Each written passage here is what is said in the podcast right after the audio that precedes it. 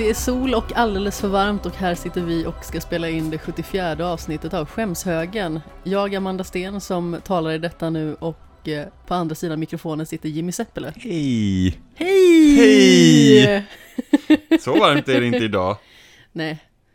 Men det var liksom mer för att beskriva den allmänna känslan av att det hela tiden är för varmt under sommaren och jag håller på att avlida inombords. Och utombords, för att jag håller på att svettas ihjäl samtidigt. Lite besviken att det inte var varmare idag för att vi ska gå och bada. Ja, du blev väldigt besviken över det faktiskt. Vi var ju faktiskt och badade igår däremot, så det vägde ju upp lite grann. Och med mer bad idag, mer bad åt folket. Ja, men alltså det var faktiskt väldigt skönt. Jag är ju lite krukig precis när jag ska gå i. Men när jag väl har börjat bada så tycker jag att det är väldigt trevligt. Det är ju bara det liksom att man går igenom vissa stadier när man försöker klättra ner från den här bryggan. Det är liksom, först ska man passera knäna och där är liksom en känslig punkt och sen så ska man passera bäckenet som också är väldigt känsligt och sen så kommer liksom eh, hela fettpartiet. Man går igenom alla stadier av sorg. Förnekelse, ilska, acceptans. Ja, det är lite mer så eh, alla stadier av frost.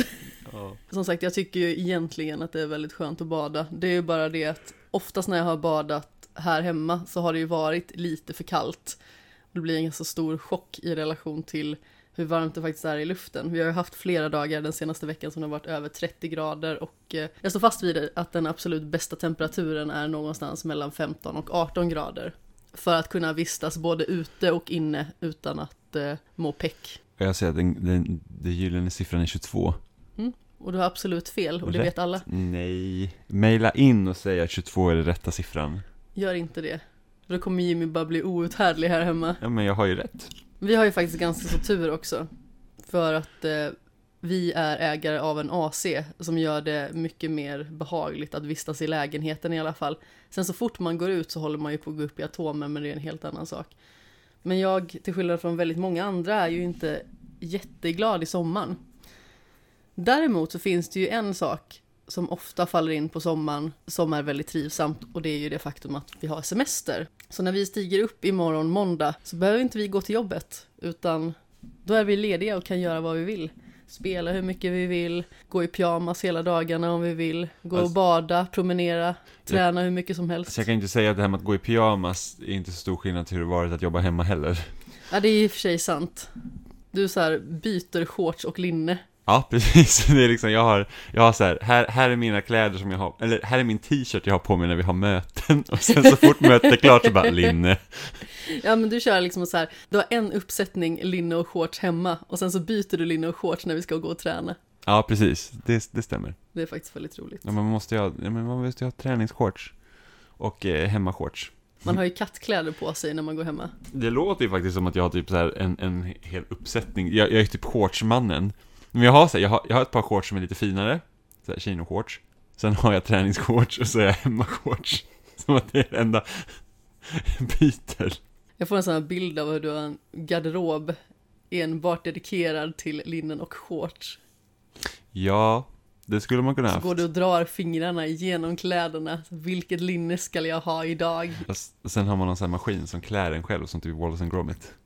Jag har inte sett den på hur länge som helst. Nej men han har alltid så konstiga manicker, jag är alltid så fascinerad av hans frukostmaskin. När han liksom kunde få sina rostade mackor helt perfekta, med en här jättekomplicerad manick. Det låter ju Eller lite som en den manicken du ville ha. Det är så himla gott med rostbröd. Det är faktiskt väldigt gott. Älskar rost, alltså rostbröd är, vi har ingen fungerande brödrost. Det har vi visst Nej, den är livsfarlig för den har inget stopp. Det är så att man måste manuellt trycka upp mackorna och då tycker jag att då, då förlorar man lite vitsen med att ha en brödrost. Sen i ärlighetens namn så är det väldigt sällan som vi faktiskt rostar mackor. Nej, utan precis. snarare är det ju faktiskt så att den står där för att den är snygg. Det är väldigt sällan vi rostar mackor. Jag undrar om det kan bero på att vi har en brödrost som inte fungerar. Eller på att jag nästan aldrig äter bröd. Men jag äter frukost, eller bröd varje morgon. Och Fast du rostar dem otroligt sällan. Men fortfarande, vi har ingen fungerande brödrost. Fast du gjorde ju inte det även innan. Hemma gjorde jag det. Jag hade en fungerande brödrost. Du menar i Flemingsberg? Ja, precis. Så jag rostar jag mina mackor. Det är jättegott. Jag äter sån här råg... eh, Vad heter rågform? Nej, jo. Jag tror de heter rågform. Safatzers runda rågbrödssmörgåsar. De är jättegoda rostade för de blir lite sega. Det låter ju inte alls trevligt. Jo, de blir så här, lite knaprig ytterkant och sen blir de lite sega när man äter dem. Åh, så himla gott. Så kan man smör och så steker man ägg och så har man på det. Det är jättegott. Jag gillar hur det här blev vardagspodden. Helt plötsligt. Men frukost, är, alltså frukost är bästa målet. Det håller jag absolut inte med om. Bacon, äggröra, flingor, yoghurt, fil, smörgås. Jag är ju av den eh, åsikten att det finns inget mer överskattat än hotellfrukost. Men jag pratar om frukost rent generellt. Den bästa frukosten är Jo, frukosten men man äter det är ju många som säger liksom att det ultimata med att bo på hotell är att få äta hotellfrukost. Men jag tycker att det är så exceptionellt tråkigt. Det enda som gör mig glad är om det finns pannkakor eller våfflor. Alltså man, kan, man kan döma ett hotell väldigt mycket på deras äggröra. Om den är bra eller inte. Ja, Jag äter ju inte det alltså. Nej, har man missat någonting? Eller inte. Äggröra är så gott. Men det vi skulle prata om idag i alla fall, det Mm. var semester. Det har ju du betalt för allra första gången i ditt liv. Ja, men precis. Det blir skönt att inte behöva jobba en sommar. Ja, och jag har ju haft lite till och från sådär med betald semester och i och med att jag har vandrat mellan lite olika avtal och så på mitt jobb så har det ju inte riktigt blivit någon sån här fullskalig semester. Jag tror nog att det här är den största semestern jag har haft och den kommer vara ungefär tre och en halv vecka och du har fyra. Mm. Så vi kommer få rejält med tid att faktiskt konsumera sånt som vi vill och hitta på lite andra saker. Tanken i alla fall med dagens avsnitt är att vi ska gå igenom lite populärkulturella ting som vi vill konsumera under semestern och då kommer vi i vanlig ordning ha våra kategorier film, spel och tv-serier. Och vi har valt ut tre stycken var i varje av de här kategorierna. Ja, precis. Så jag tänker att vi börjar med film, dagen till ära. Oj, Kasta om det lite. oj.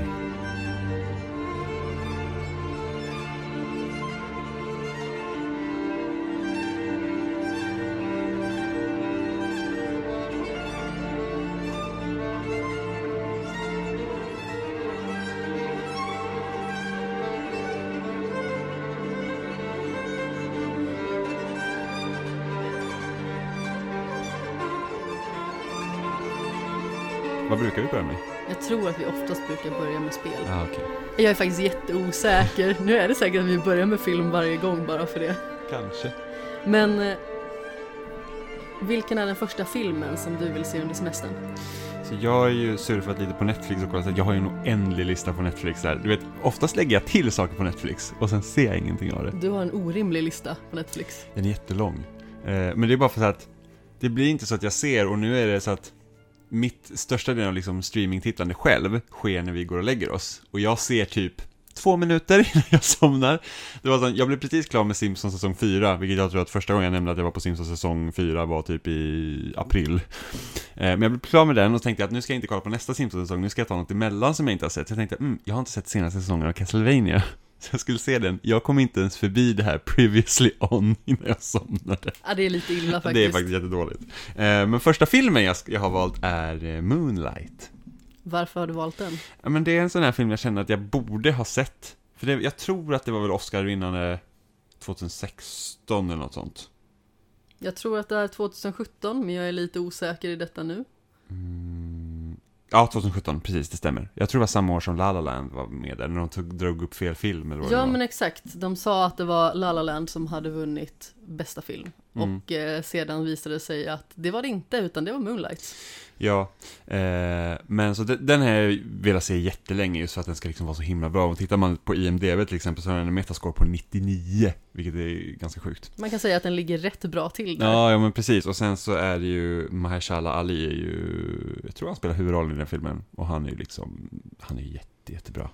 Ja, men han är oväntat mångsidig. Jag tror att en av de första gångerna jag såg honom skådespela så kändes det liksom som att det här kommer vara rollen han spelar. Men samtidigt så har han gjort i efterhand så otroligt många andra roller. Jag tänker framförallt på hans roll i Green Book som jag tycker Mm. är så otroligt bra. Det är en väldigt stark roll med liksom en väldigt annorlunda och eh, intressant karaktär.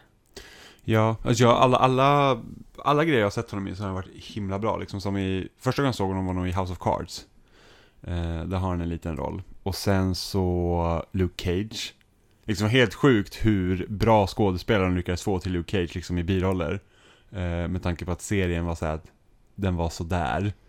Men det var där jag såg honom första gången tror jag. Eller liksom när jag noterade honom första gången. Och kände att det här känns som den typiska rollen han alltid kommer att få spela. Men jag Ah, hade okej. väldigt fel. Jag hade också lite svårt för honom i den rollen för att han hade massa tick för sig. Som Mm. jag hade liksom så här lite svårt att kolla på. Som jag liksom störde mig lite på. Ja, men det är det som gjorde det så himla... Och jag ser att han var med i Benjamin Buttons. Eh, då har jag sett honom där första gången, men det minns inte jag. Inte jag heller, det var så himla länge sedan man såg den filmen också. Mm. Men han, eh, nej men i House of Cards spelar han ju typ någon sån här, var han typ Secret Service-agent eller någonting sånt. Okej, Eller? jag har ju inte sett House of Cards. Nej, han kanske var någon, antingen var det någon politisk snubbe eller så var han typ livvakt eller någonting sånt. Nu, nu, nej. Nej, det var något med politiskt grejs i alla fall. Men då trodde man att liksom det är den rollen han får spela liksom lite. Men han, han liksom, varenda roll han gör så liksom är det helt fängslande liksom. Samma sak i, i hans säsong av True Detective var ju också liksom superbra. Ja, otroligt. Mm. Och även så i Moonlight. Jag tycker att det är en otroligt bra film. Jag tror att när jag såg den dock så kände jag att den är inte lika bra som jag trodde att den skulle vara. Nej, men det, det, så, det här kan ju också vara lite knepigt när man liksom, så här, åh, den här ska liksom vara då årets bästa film, så den blir 2017. Och det blir så här att, då, då har man en helt annan förväntning. Jag tror dock att jag såg den innan den fick en Oscar. Ja, jag men- såg den på bio. Men jag vet inte, den hade skrivits upp så otroligt mycket att det liksom skulle vara något form av mästerverk och jag kände att den kanske inte riktigt är där. Men det är fortfarande en fantastisk film. Mm. Jag kände liksom att den gav inte mig lika mycket känslomässigt som jag trodde att den skulle göra. Mm. Med tanke liksom på de ämnen som den bearbetar. Men som sagt, det är en suverän film och eh, den ligger eh, med all rätt i eh, din semesterlista. Mm. Första filmen jag har i min lista är en film som egentligen skulle ha kommit i fjol. Och som jag är lite besviken över att jag liksom inte har då kunnat konsumera förrän nu. Och det är A Quiet Place Part 2. Mm. Jag tyckte oväntat mycket om första filmen. Som jag såg på bio hela två gånger för att jag såg den först själv. Vilket var ett ganska så tveksamt beslut med tanke på att jag är så himla feg som jag är. Så jag satt ju och höll i mig i eh, armstöden i stort sett hela filmen. Verkligen satt som på nålar och även när jag såg det med min kompis den där andra gången så är jag fortfarande nästan lika rädd. Även att jag liksom visste vad som skulle hända. Alltså det är en väldigt intressant premiss i filmen. I och med att det är någonting som man måste undanhålla ljudligheter från. Så man måste vara tyst och dessutom så pratar karaktärerna teckenspråk med varandra. Vilket också görs extra bra i och med att det faktiskt är en karaktär som talar teckenspråk på riktigt Mm. i verkliga livet. Så jag tycker att de verkligen har fått en väldigt autentisk känsla i det hela. Nu är inte jag någon form av expert på teckenspråk på något vis, men det var liksom den upplevelsen som man fick. Och sen så tycker jag liksom att rollsättningen också fungerar oerhört väl. Jag tror inte det finns något universalt språk för teckenspråk. Jag tror inte ens att om, om vi lär oss teckenspråk här så är det inte s- 100% säkert att du kan prata teckenspråk med någon någon annanstans. Jag har absolut ingen aning. Jag, jag har för mig att det är så, jag kan ta det helt rasslet nu också, men jag har för mig att det var så att det liksom in- finns inget så här, att det är så här alla pratar teckenspråk. Ja men det var i alla fall någonting som slog mig Mm. väldigt starkt med den filmen och att det är ganska så många sådana obehagliga spänningsmoment till exempel som att Emily Blunts karaktär är gravid och hur ska man föda barn in till den här världen och Mm. vara tyst. Det är ju ett otroligt spänningsmoment. Men jag tror att filmen är som absolut bäst i början när man inte riktigt har fått reda på vad hotet är för någonting. Då sitter man ju verkligen som på nålar och bara väntar på att något ondskefullt ska hända. Mm. Ja, alltså de absolut bästa skräckfilmerna tycker jag är när man vet så lite som möjligt av monstret. Ja, det är samma precis. sak med spel, liksom att ju mer man exponeras för det som är läskigt så blir det mindre läskigt. Som när jag och Robin försökte spela Amnesia. Mm. Och, och liksom det var så läskigt, för vi visste liksom inte, vad händer när gubben liksom blir knäpp? För att när, ju mer man är liksom i mörker, ju mer, liksom ju högre blir insanity-mätaren. Och vad är det för monster som jagar en? Jag hade ju ingen aning. Så att man var ju liksom, det gjorde ju spelet läskigt. Sen när man liksom får se allting och liksom får veta exakt hur det fungerar, då är det så här, ja, då är det inte lika läskigt längre. Men det är ju så, det okända är oftast mer otäckt än vad liksom det faktiska tinget är. Mm. Sen så finns det naturligtvis riktigt obehagliga saker, alltså typ den här nunnan till exempel i The Conjuring. jag tål ju liksom inte att se på den karaktären för att jag tycker den är så otroligt vidrig. Ja, det är, jag vet inte, det Fast sen är jag också sån här att jag har ju lite problem med mörka skepnader i allmänhet. Mm. Jag tycker ju att det är riktigt obehagligt och det har ju sina förklaringar som jag har nämnt tidigare med sömnparalys och sådant. Vilket också gör liksom att jag i vuxen ålder, om jag skulle sova själv, helst sover med lampan tänd. Mm. Bara för att jag liksom känner sånt obehag för det. Och det känns som att ljuset på något vis blir en trygghet för mig. Vilket är ganska så roligt för att i övrig tid så sitter jag ju gärna i mörker. Jag sitter gärna i mörker och spelar eller sådär. Och jag har ju liksom inga problem med det när vi liksom sitter på vintern. Men så fort det liksom blir dags att sova, då föredrar jag att ha ljust, i alla fall liksom om jag ska sova själv. Mm. Vilken är din nästa film på listan? Min nästa film är eh, Midsommar. Okej. För det, det är en film, liksom så här, att det är ganska kul liksom att någon, någon har liksom tagit då vårt koncept om midsommar och sen gör typ en skräckfilm om det liksom sett utifrån. Eh, vilket jag tycker liksom är ganska spännande. Och det är också en film som jag har hört ska vara bra. Som inte jag har liksom, helt enkelt inte har sett. Eh, och det är alltid, jag tycker det är jättekul att liksom se hur, hur andra kulturer tolkar vår kultur. Ja, absolut. Jag tänker ju framförallt på det här Alias-avsnittet nu som du har berättat om när de är i Stockholm. Ja, ja, gud ja, det är helt, helt bisarrt liksom. Kommer in till en nattklubb i Stockholm, jätteavskalat, allt är typ vitt, varenda människa är lång och blond. Man så så där ser det inte ut här. Nej, det låter faktiskt väldigt absurt. Men det var som när vi såg Black Widow nu och de pratar norska. Ja, just det. Ja, och det var så himla bisarrt för att man hör så att det där är inget... det- Uttalet var ju bättre än vad många andra grejer vi har sett i år, som har liksom försökt härma norska, svenska eller någonting dylikt. Men det var ju absolut amerikanskt rullande R. Ja, men det där var inte norska. Alltså, Nej, nej, det men- var ju bara läst från papper, men det var ju liksom ingen norsk person som läste. Nej, nej, nej, det var, det var, man hörde ju på R'n att det var en amerikan. Utan tvekan, det var liksom så här, så skulle man säga rullar till exempel, så bara rullar! liksom. Ja, Men alltså, det lät ha- mer som ha det- amerikaner tolkar svenska än amerikaner tolkar Ja, norska. det är mycket möjligt, men också, man hade lite det här som norskans liksom glada tongång egentligen. När man liksom, hur, hur man pratar, det fanns lite där, men det var ju fortfarande man hörde att det var amerikanskt. Ja, det var lite det som jag tyckte gav bort det från första början, liksom att den där klämmen, alltså upphöjningen som normen oftast har, liksom i slutet på varje mening, den finns absolut inte där. Jaha, jag tyckte att det hördes liksom att det, det, liksom, det var mer melodiskt än vad det brukar vara. Jag tyckte att det var Men, men det, var ju, inte- det var inte jättebra var det inte, jag förstår inte så att sådana här stora företag, hyr en norrman! ja, och precis. läs Det är din ju liksom- liksom inte dyrt att hyra en norrman i typ 10 sekunder Nej, för nej. att göra den där texten. Nej nej, för det, det är liksom, och det var något som typ Alias när hon pratade svenska i slutet av första säsongen, och sen i säsong två, alltså Och du visade ju det klippet för mig, det är så himla Alltså bara, pinsamt. Hallå? Jag har ingen bensin kvar! Så låter någon typ från Schweiz eller någonting, det, det lät såhär bara Kan ni låna mig lite bensin?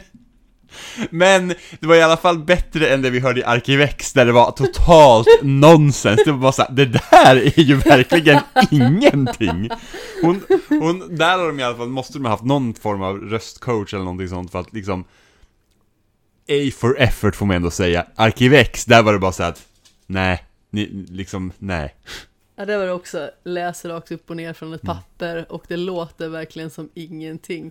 Men sen i säsong två så är ju Lena Olin med i Alias. Ja. Så att eh, då, då, då, då får man höra riktig svenska emellanåt.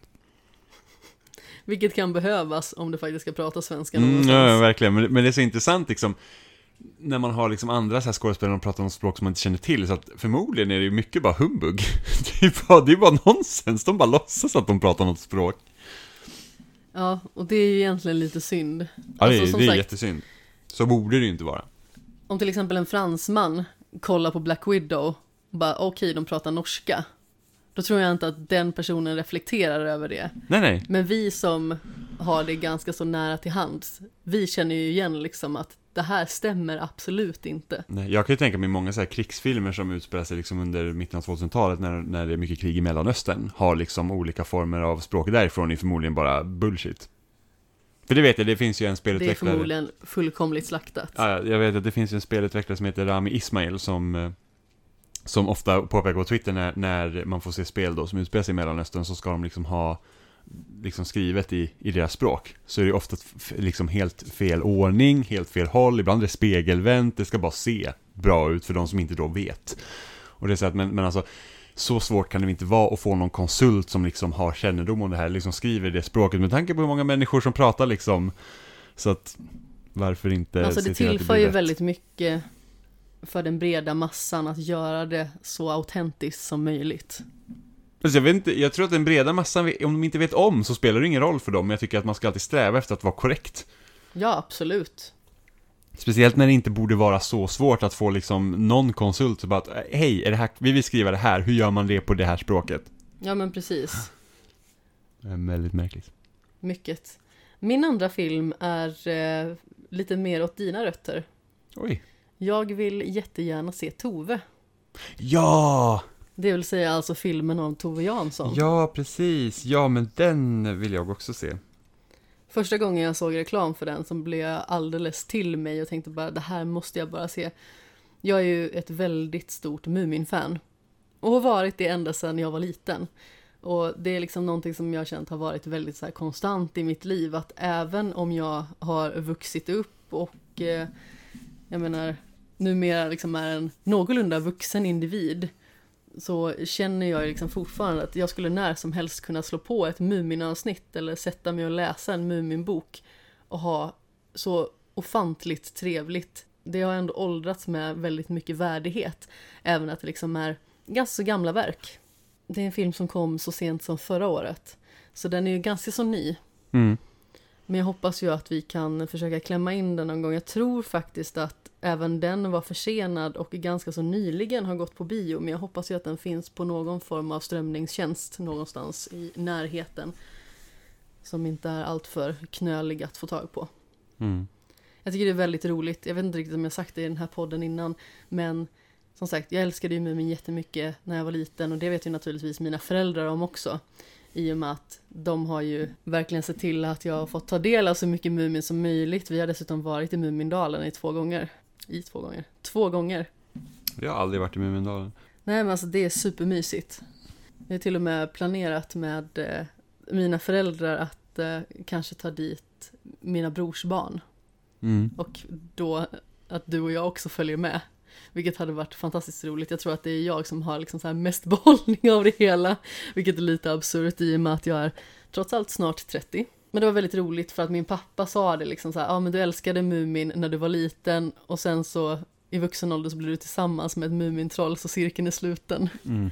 Jag var så himla rädd för typ Mumin när jag var liten. Alltså morran. Mumin? Mm. Ja men alltså det, man visste ju så att jag och min syster tittade också jättemycket på Mumin, men det fanns ju de här avsnitten med typ Hattifnattarna och Morran och det var ju typ hemskt.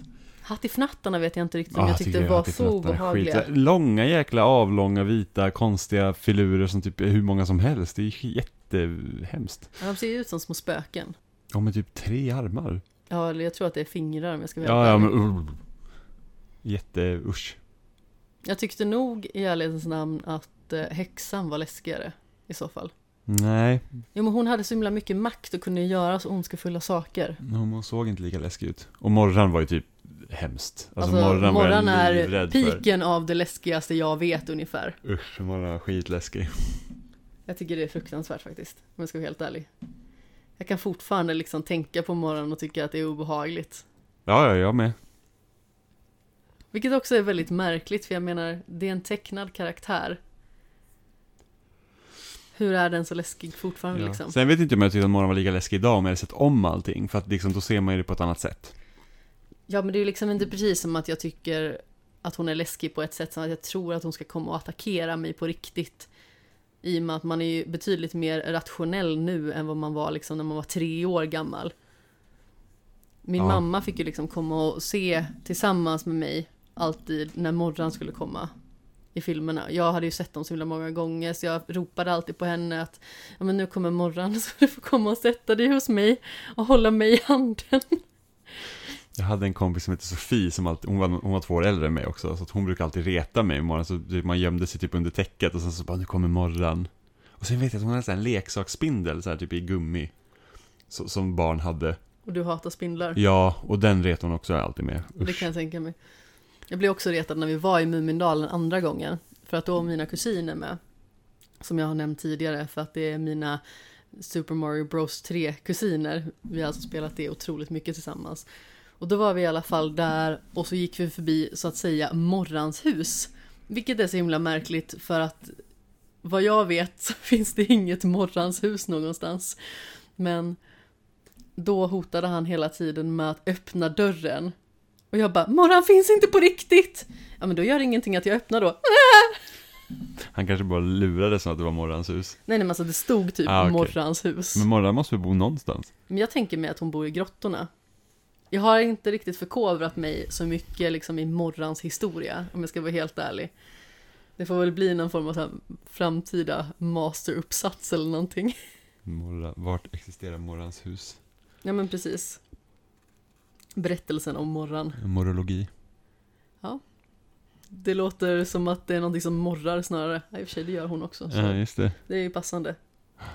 Då vill jag veta vilken din tredje film är. Nu kommer du skratta åt mig. Det kommer jag nog. Du skrattade åt mig när jag sa det innan. Jag skulle vilja se om första Pirates-filmen. Det vill du ja. Ja, det är perfekt sommarsäventyrsfilm. Varför vill du så om Pirates? Men den är jättebra. Har du någon mer liksom motivering till det här? Nej men den är, jätte- alltså, den är så himla knasig, det är det som gör den så himla rolig. Jag har sett den så många gånger, jag har sett den säkert 25-30 gånger liksom, men det, Vilket det är helt absurt och bortom denna värld. Jag såg den 13 gånger första eh, veckan den kom ut på VHS. Men det var jag så kan här, inte förstå det för jag här kommer ihåg, vi liksom. såg den på bio, jag och min syster. Och vi var så här helt begeistrade, för vi visste inte, vi såg den för att Orlando Bloom var med.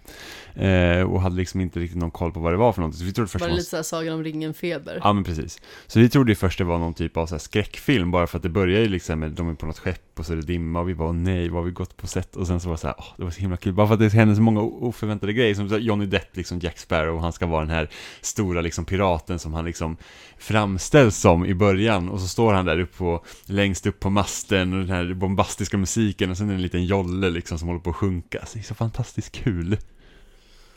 Och det, jag ska bara vilja se den igen, det, för det är så himla, det, det är mysigt. Jag lovar att jag ska se den med dig igen. När du väl vill se den igen. Jag såg ju den ganska så tätt in på att den hade släppts. Inte på bio, men eh, på VHS var det väl då, Mm. antar jag.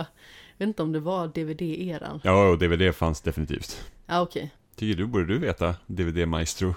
Ja, jo, men eh, vi hyrde ju väldigt mycket film. Så jag tror att jag och mamma hyrde den när pappa inte var hemma och såg den tillsammans. Mm. Och mamma är ju ett enormt fan av Johnny Depp, inte lika mycket längre för att på senare år har han gjort så enormt mycket skräp. Men jag kände på något sätt när jag såg den att det här är liksom ingenting för mig. Jag hade jättesvårt för rollen Jack Sparrow. Jag tyckte inte alls att det var så himla roligt som alla andra. Jag minns i skolan att alla gick runt och imiterade honom och tyckte att det var så himla roligt och jag hade jättesvårt för det där. Men jag tror att det var för att jag gillade Johnny Depp väldigt mycket innan och de sakerna han hade gjort tidigare. Och det passade liksom inte in i den bilden jag hade av honom och eh, jag tror att jag liksom uppskattade inte karaktären tillräckligt mycket för att eh, jag skulle känna att jag hade någon behållning av den filmen. Mm. Jag gillar också Johnny Depp. Så här Chocolat och From Hell och... Eh, vad heter den nu då? Den huvudlösa ryttaren. Sleepy Hollow. Ja men den gillade jag också, Mm. vilket också är väldigt besynnerligt i och med att jag har redan liksom sagt att det inte riktigt går i linje med liksom den bilden jag har av Johnny Depp. Men det är också en sån film som är väldigt märklig. Gilbert Grape och Donnie Brasco. Donnie Brasco tycker jag är jättegod. Donnie Brasco är min favorit maffiafilm. Den är otroligt Mm, bra. den tycker jag är jättebra. Och Don Juan de Marco var också väldigt bra. Ja, helt okej. Alltså den är inte fantastisk, men jag minns den som väldigt Mm. bra. Men jag tror att det kan vara också rosa gla- glasögon. Jag tror inte jag hade tyckt att den skulle vara lika bra om jag Ja. såg den idag. Men jag älskar Pirates första filmen. Jag tycker det är så himla bra. Jag accepterar att du gör det. Det är bara synd att ingen annan av filmerna liksom når upp till det. Nej, alltså de andra är ju rent skräp. Alltså det blir ju stadigt sämre. Det är så här, ettan är kanon, tvåan är sådär, trean är väldigt sådär, fyran är vedervärdig och femman är vedervärdig också. Jag är ju lite mer så här, ettan är marginellt sevärd, resten är skräp. Ja men det är skillnad på skräp och skräp. Alltså originaltrilogin funkar ändå. Du är lite mer så här, det är skillnad på skräp och skräp. Det är skillnad på liksom skräp som i typ papper och liknande. En sån som har ruttnat. Ja men, det, men originaltrilogin är liksom ändå så här, det finns ändå en röd tråd, det är liksom Det är liksom ändå en, en, en, liksom en berättelse som håller ihop Medan fyran och femman är liksom, det är bara så här, vi måste ha en till Pirates-film Vilket är jättesynd för det är ju, åh vad heter han nu, som är skurken i eh, fyran. Han var med i Deadwood också, han är ju jättebra skådespelare. Det här minns inte jag. Ian... Vad heter han? Ian någonting någonting. Eh, Ah, den klassiska Ian någonting någonting. ja, han är också med i American Gods. Ian McShane va? Yes. Heter han. Okej. Och han är ju han är en superbra skådis. Ja, som sagt, jag eh, har inte mycket till övers för eh, Pirates-franchisen. I synnerhet efter jag spelade Kingdom Hearts. Fasen vad dåliga de segmenten Ja, är. jo, men Kingdom Hearts, där, jag tycker allt som har typ med så här riktiga, alltså man blandar animerat och riktiga liksom eh, Ja, men det funkar ju inte. Nej, Det är jag ju tycker inte heller det är bra. Hur tveksamt jag tycker att Pirates of the Caribbean egentligen är. Det går liksom inte ens upp emot hur bedrövligt dåligt det är i Kingdom Hearts. Ja, men det, det känns ju Det är ungefär som att slänga in typ. Ja men det känns ju som att typ liksom slänga in föräldrafällan liksom för att det är en Disney-grej. Oh, Så att det, det är liksom, det, det är bara märkligt. det är mycket märkligt. Den sista filmen för dagen och eh, även den sista filmen på min lista är Labyrinth. Det är en film som eh, innehåller en musikhjälte, det vill säga David Bowie. Och eh, jag tycker ju att eh, han är en eh, fenomenal artist, eller ja, var helt sonika. Och eh, förmodligen en av vår tids absolut största musiker. Och det skulle vara ganska så kul att se den här filmen just bara för att han är med. Och sen så är det liksom en film som har varit ganska så omtalad. Och nu är den ändå typ 35 år gammal eller någonting. Så det här har varit kul att se om den faktiskt håller. Mm. Och som sagt, i och med att det är en så pass gammal film och dessutom bearbetar, vad jag har förstått, liksom övernaturliga element. Så skulle det vara synnerligen intressant att se hur de faktiskt hanterar de aspekterna.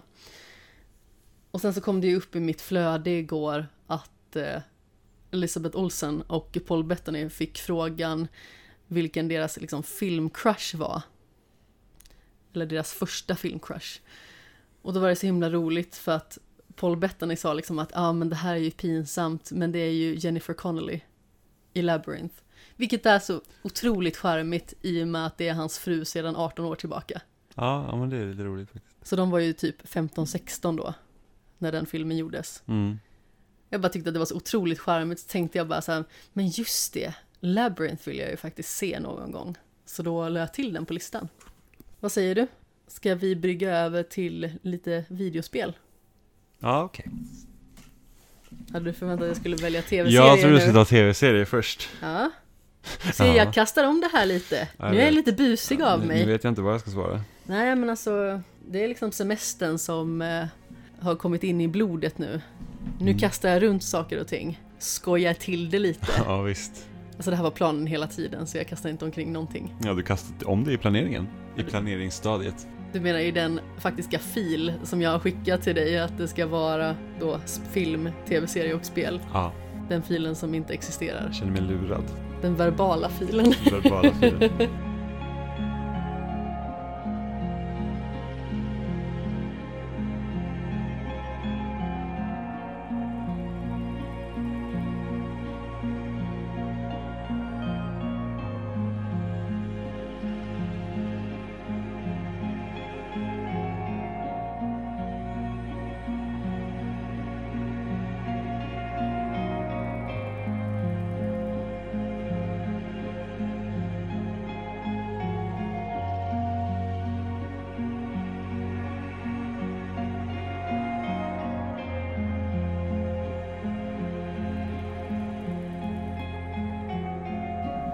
Vilket är det första spelet som du vill konsumera under vår semester? Jag tänker inte säga att det är det första spelet jag vill konsumera, men jag tänker nämna det som ett, det är ett bra ingångsspel för att vara semesterspel och det är Pokémon eh, White.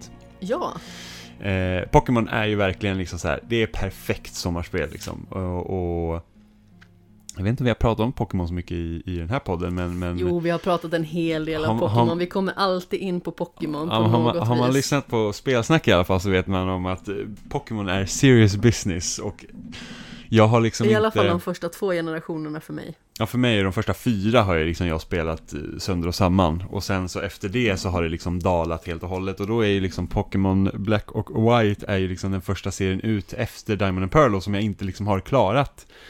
Eh, för att helt enkelt st- Största anledningen till att jag helt enkelt inte haft någon att spela med Utan jag liksom spelat själv och då är det så att man kommer typ till gym 3 och sen så bara ah Det är liksom, det är samma sak igen Ja, men man Eh, tappade lite någonstans ja, på vägen. Det var precis. samma sak som när jag spelade Moon. Jag tyckte att det var jätteroligt. Och vill minnas att jag gav det ganska bra betyg på IGN dessutom. Men sen så bara tappade jag det. För att det var någonting annat som ville ta upp min tid. Ja, jag gillar inte Pokémon Sun alls. Ett, jag tycker att seriemodellen är skitfula. Jag hatar verkligen den här jävla trial-grejsimoj som de, de satte in istället för gym. Liksom att det, det, det, gör ju, det är ju inte roligt. Eh, så att, nej usch, jag, jag gillar inte alls dem. Men då får du också ta i beaktning att jag har inte spelat ett nytt Pokémon sedan Crystal. Nej, nej, men precis, och då, och vilket nedköp. Eh, Ja, för för Crystal är helt fantastiskt. Ja, jag tycker också att det är jättebra. Jag tycker ju dock att eh, Blå förmodligen är det spel i serien som jag tycker allra mest om. Jag tror att anledningen till att jag tappade Pokémon lite grann var att min tid togs upp så himla mycket av The Sims sedan. Mm. Så jag tror att när det började komma nyare Pokémon-spel så var det liksom ingenting som jag satte tänderna i. För att jag spelade nästan bara The Sims. Mm. Nej, jag har alltid köpt liksom Nintendos bärbara konsoler för att jag ska kunna spela nästa Pokémon. Och sen har jag liksom inte klarat ut ett mainline Pokémon sedan 2011. Jo, i och för sig, jag klarade ut Pokémon Sword, eller Shield. Jag minns inte vilken variant av dem jag Ja hade. just det, du gjorde det till ja. slut ju. ja, jag gjorde det, men eh, det är också så här att det var väl okej. Eh, och sen föredrar jag spelen när de var i 2D, liksom med pixelgrafiken, eftersom jag är inte riktigt vän med hur, hur, hur liksom det ser ut i 3D helt enkelt. Eh, Nej, det är inte lika bombastiskt och spännande som man vill. Man vill verkligen få den där äventyrskänslan, att man liksom känner att nu har jag det här uppdraget som jag ska ta mig an. Och det här är början på ett enormt äventyr och liksom en period där man växer mycket som karaktär. Ja, jag tycker de förmedlar det bättre i 2D-spelen än i 3D-spelen. Jag, Jag vet inte, för det är liksom så att, ja men okej, men nu kan alla byggnader och sånt se riktiga ut. Men det känns ju fortfarande så begränsat för att det är liksom, det är typ fortfarande tre gator i den här stora stan. Men i 2D så funkar det mycket bättre av någon anledning. Eh, och just det att, Men jag tror att det handlar väldigt mycket om också den fantasi som vi satt på när vi var barn. För att när man var så pass liten, då kunde man på något annat vis leva sig in i den här väldigt rudimentära grafiken som det ändå var. Och få det att kännas mycket mer äkta. Idag är vi så himla bekväma med hur det ska se ut i olika typer av spel för att vi ska kunna leva oss in i det. mm. men, så, och som vi har sagt många gånger, så här, mitt, mitt liksom dröm-Pokémon, det är typ så här att man gör Pokémon och så tittar man på Breath of the Wild och så tar man det här liksom att det ska inte vara det här typ att världen håller på att gå under och det är en jävla gud-Pokémon hit och dit. utan Det räcker liksom med så att Hej, jag är en tioåring. Jag ska liksom bli världens bästa Pokémon-tränare. Släng ut mig liksom med, med en starter-Pokémon och sen ska jag bli bäst. Liksom det, det räcker. Och sen så kan man väl ha typ något ondskefullt team i bakgrunden. Så typ som Team Rocket i första spelet. Det var ju liksom så här att det tog ju inte upp hela liksom alltet av, av liksom uppmärksamheten i spelet. Det handlar ju fortfarande om att liksom slå Elitfyran. Eh, och sen så fanns ju Team Rocket i bakgrunden. Och det är liksom lite det jag skulle vilja ha. Det här med att Åh, man ser en Pokémon i horisonten, vad är det för något? Så kan man liksom jaga efter den. Eh, det är liksom vad jag skulle vilja ha ett 3D-spel. Men de sista 2D-spelen då som är Black and White, de ska liksom vara superbra. Och just det att det de gjorde var ju att inga gamla Pokémon finns med i början. Du behöver liksom klara Antingen behöver man klara liksom Elitfyran första gången innan liksom de äldre Pokémon introduceras, eller så måste du liksom se alla Pokémon i av de nya då är liksom i, i, i Pokédexen för att liksom låsa upp resten av Pokémon. Och då är det så att, wow, då slänger man liksom ut allt gammalt och sen så är liksom varenda Pokémon du kommer träffa på är ny. Jag kan ändå på något vis uppskatta det, för jag tror att ytterligare en grej som gjorde att jag tappade intresset lite var att det kom mycket nya Pokémon som jag liksom kände att jag inte hade någon relation till. Mm. Ja, jag vet att många säger det, liksom, så bara, ah, men så fort det kom nya Pokémon så blev man så här, ah. Och det var ju så att jag, jag var ju helt begeistrad över att det fanns fler Pokémon. Jag var ju helt såld på det. Man hade så här röd och blå, och så körde man liksom de Pokémon, och sen så bara, men det finns fler monster som man inte upptäckt. Man har såhär bara, oh my god. Det Men jag tyckte tror liksom att jag kände också att designen på de nya inte var lika spännande som de gamla. Även att om man kollar på flera av de gamla så är inte de jättefagra. Men jag tror att det har väldigt mycket med det nostalgiska värdet att göra. Vi har ju en jättestor plansch på de Mm. 151 i vårt kök. Mm. Om man kollar på den så blir man lite varm i hjärtat för det var liksom där det började. Ja men jag tror att det, anledningen till att jag gillade de första Pokémon-designen så mycket och även det som går in liksom i guld och silver, det är det att de ser rätt så vanliga ut. Liksom du har typ en häst som som ser ut som en vanlig häst förutom att den har brinnande man och svans. Liksom, jag tycker att den lilla förändringen, det tycker jag jag gillar det, när det är bara små förändringar men fortfarande familjärt. Sen när man liksom tittar på typ nyare design, finns det här, men här är en jävla glasskopa liksom. Man bara, aha. Ja Va- men det känns liksom som att de försöker uppfinna hjulet en gång till och det fungerar inte Ja, fast det riktigt. finns jättemånga bra nya Pokémon-design också. Jag tror Det är mycket möjligt, i- jag har dock inte upptäckt dem. I, de, I det senaste spelet eh, så finns det en, en elektrisk Corgi. Så dens utveckling är också helt fantastisk, så det blir min favorit-Pokémon av de nya. Ja, det kan jag tänka mig. Jag minns att när jag började spela Moon så var den karaktären som passade mig mest, eller den Pokémon-karaktären som passade mig mest, var den här eh, eldkatten med resting bitch face. Mm, Jag tyckte att de andra såg så himla tråkiga ut så det fick bli den. mm. Jag tror att eh, Pokémon Sun och Moon hade ju den sämsta vattenstarten som jag tycker absolut minst om. Ja, jag föredrar ju också oftast vatten. Mm. Vaporeon är ju min favorit-Pokémon. Jag, är ju, jag är ju väldigt basic, jag, Squirtle är min favorit-Pokémon. Ja, jag trodde att du skulle gå ner i spagat när jag kom hem och sa att det fanns en Funko Pop på hemmakväll som var Squirtle. Ja, jag hatar Funko Pops. Och ändå vill du ha den. Ja, men Squirtle är bäst. Squirtle är bra, men du har ett väldigt fint eh, gosedjur med Squirtle ja, ja. istället. Och jag har en Amiibo med Squirtle. Just det, det är faktiskt helt sant. Sen så är det ju väldigt roligt också att du nämner Pokémon White och att det är liksom ett spel som du vill spela igenom. För jag fick ju Pokémon Black av dig i födelsedagspresent när jag fyllde år för ungefär en vecka sedan. Ja, men det var ju så här att vi, när jag pratade om att jag ville spela Pokémon White, du bara ja men jag vill också spela. Så att vi skulle spela tillsammans. Jag bara ja men det kan vi göra. Men så ägde inte vi, vi har ju bara ett liksom. Vi har, jag har bara Pokémon White och du bara men det är bara att köpa. Och det är så här skitsvårt att få tag på för det är så här tio år gammalt nu. Tanken var ju att jag skulle köpa Black. Ja, ja men det var så här, ja men vi kan köpa det. Så bara nej men du vill inte lägga eh, 400 spänn på liksom en kassett. 400, det var ju ännu mer än så. Ja, det, det var ju typ så här upp mot 700-800. Ja, alltså det kunde, det kunde vara så, men, men eh, liksom man, man gräver man lite så hittar man liksom eh, bättre priser. Och så tänkte jag, ja, men då, då tänkte jag, ja, jag beställer ett spel till dig. Tänkte jag så här. Och så bara, ja men det vore ju kul om man kunde få liksom med, med ett fodral och sånt. Jag bara, ja men det, det finns rätt så billiga fodral liksom i, i att köpa tänkte jag. Så jag bara, ja men jag kollar upp så här 3DS eller DS-fodral. Så bara, ja men beställer ett sånt. Och sen så bara, ah, ja men man måste ju ha liksom omslag också, så bara googla upp så här, vad, vad är omslaget till Pokémon Black? Ja, så, så gick jag in på en, en sida som heter så här, Crimson Print eller något sånt där som jag har beställt planscher från förut. Jag bara, ah, men då, då liksom printar jag ut liksom omslaget. Och sen så tog det ju bara så himla lång tid att få allt. Jag tror det tog typ en månad innan jag fick spelet. Jag tror jag köpte den från någon fransman på Ebay. Och sen så, för, så för, eh, oms, eller själva fodralet då, det försvann den första liksom, som jag hade beställt. Så, att- så att jag, behöv- jag fick tillbaks pengarna för den, och så fick jag beställa någon annanstans ifrån, och det var från USA. Eh, så, så det tog liksom, så jag beställde i slutet av, i mitten av mars beställde jag spelet, jag tror jag fick spelet i slutet av april. Jag fick, eh, jag fick fodralet någon gång i mitten av maj. Och sen så fick jag, och, och eh, själva omslaget det fick jag nog i, i början av april, för det kom ju liksom fortast. Eh, och då var det så här, ja men nu är det så, nu när allt liksom var ihopsatt, nu har det tagit så himla lång tid, så jag kan lika bra ge det till dig i födelsedagspresent. Det var ju fantastiskt roligt, för att du fick ju flera paket under vårens gång som bara Du får absolut inte öppna det där! Alltså, jag skulle inte öppna det, det är ju till dig. Jo, men det var också så här bara, ah, vad har du beställt? Det kan jag inte säga. fick det liksom li- ligga så här på mitt så här skrivbord, så att jag ska tappa bort paketet. Och, ja.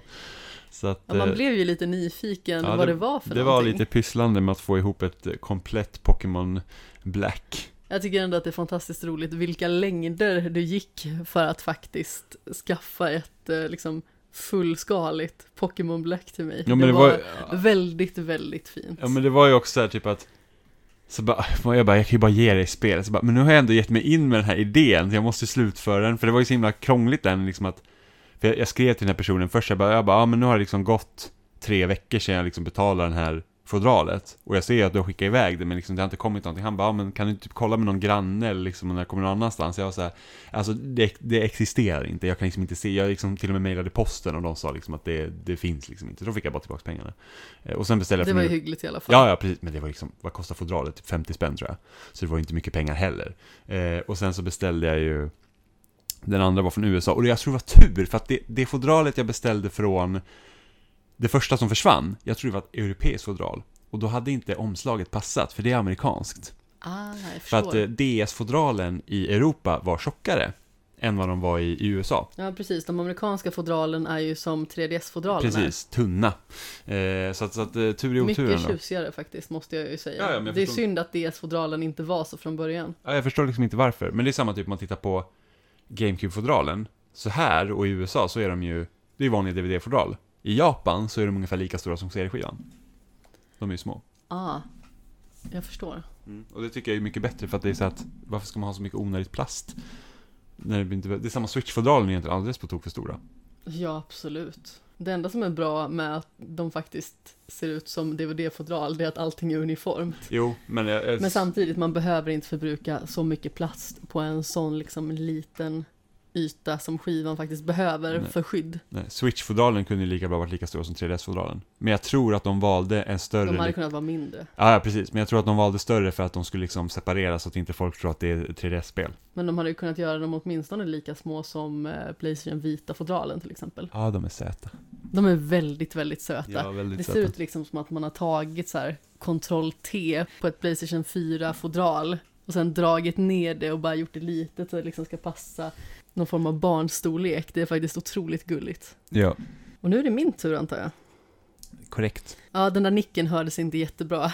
Nej, men jag försökte också svälja en rap.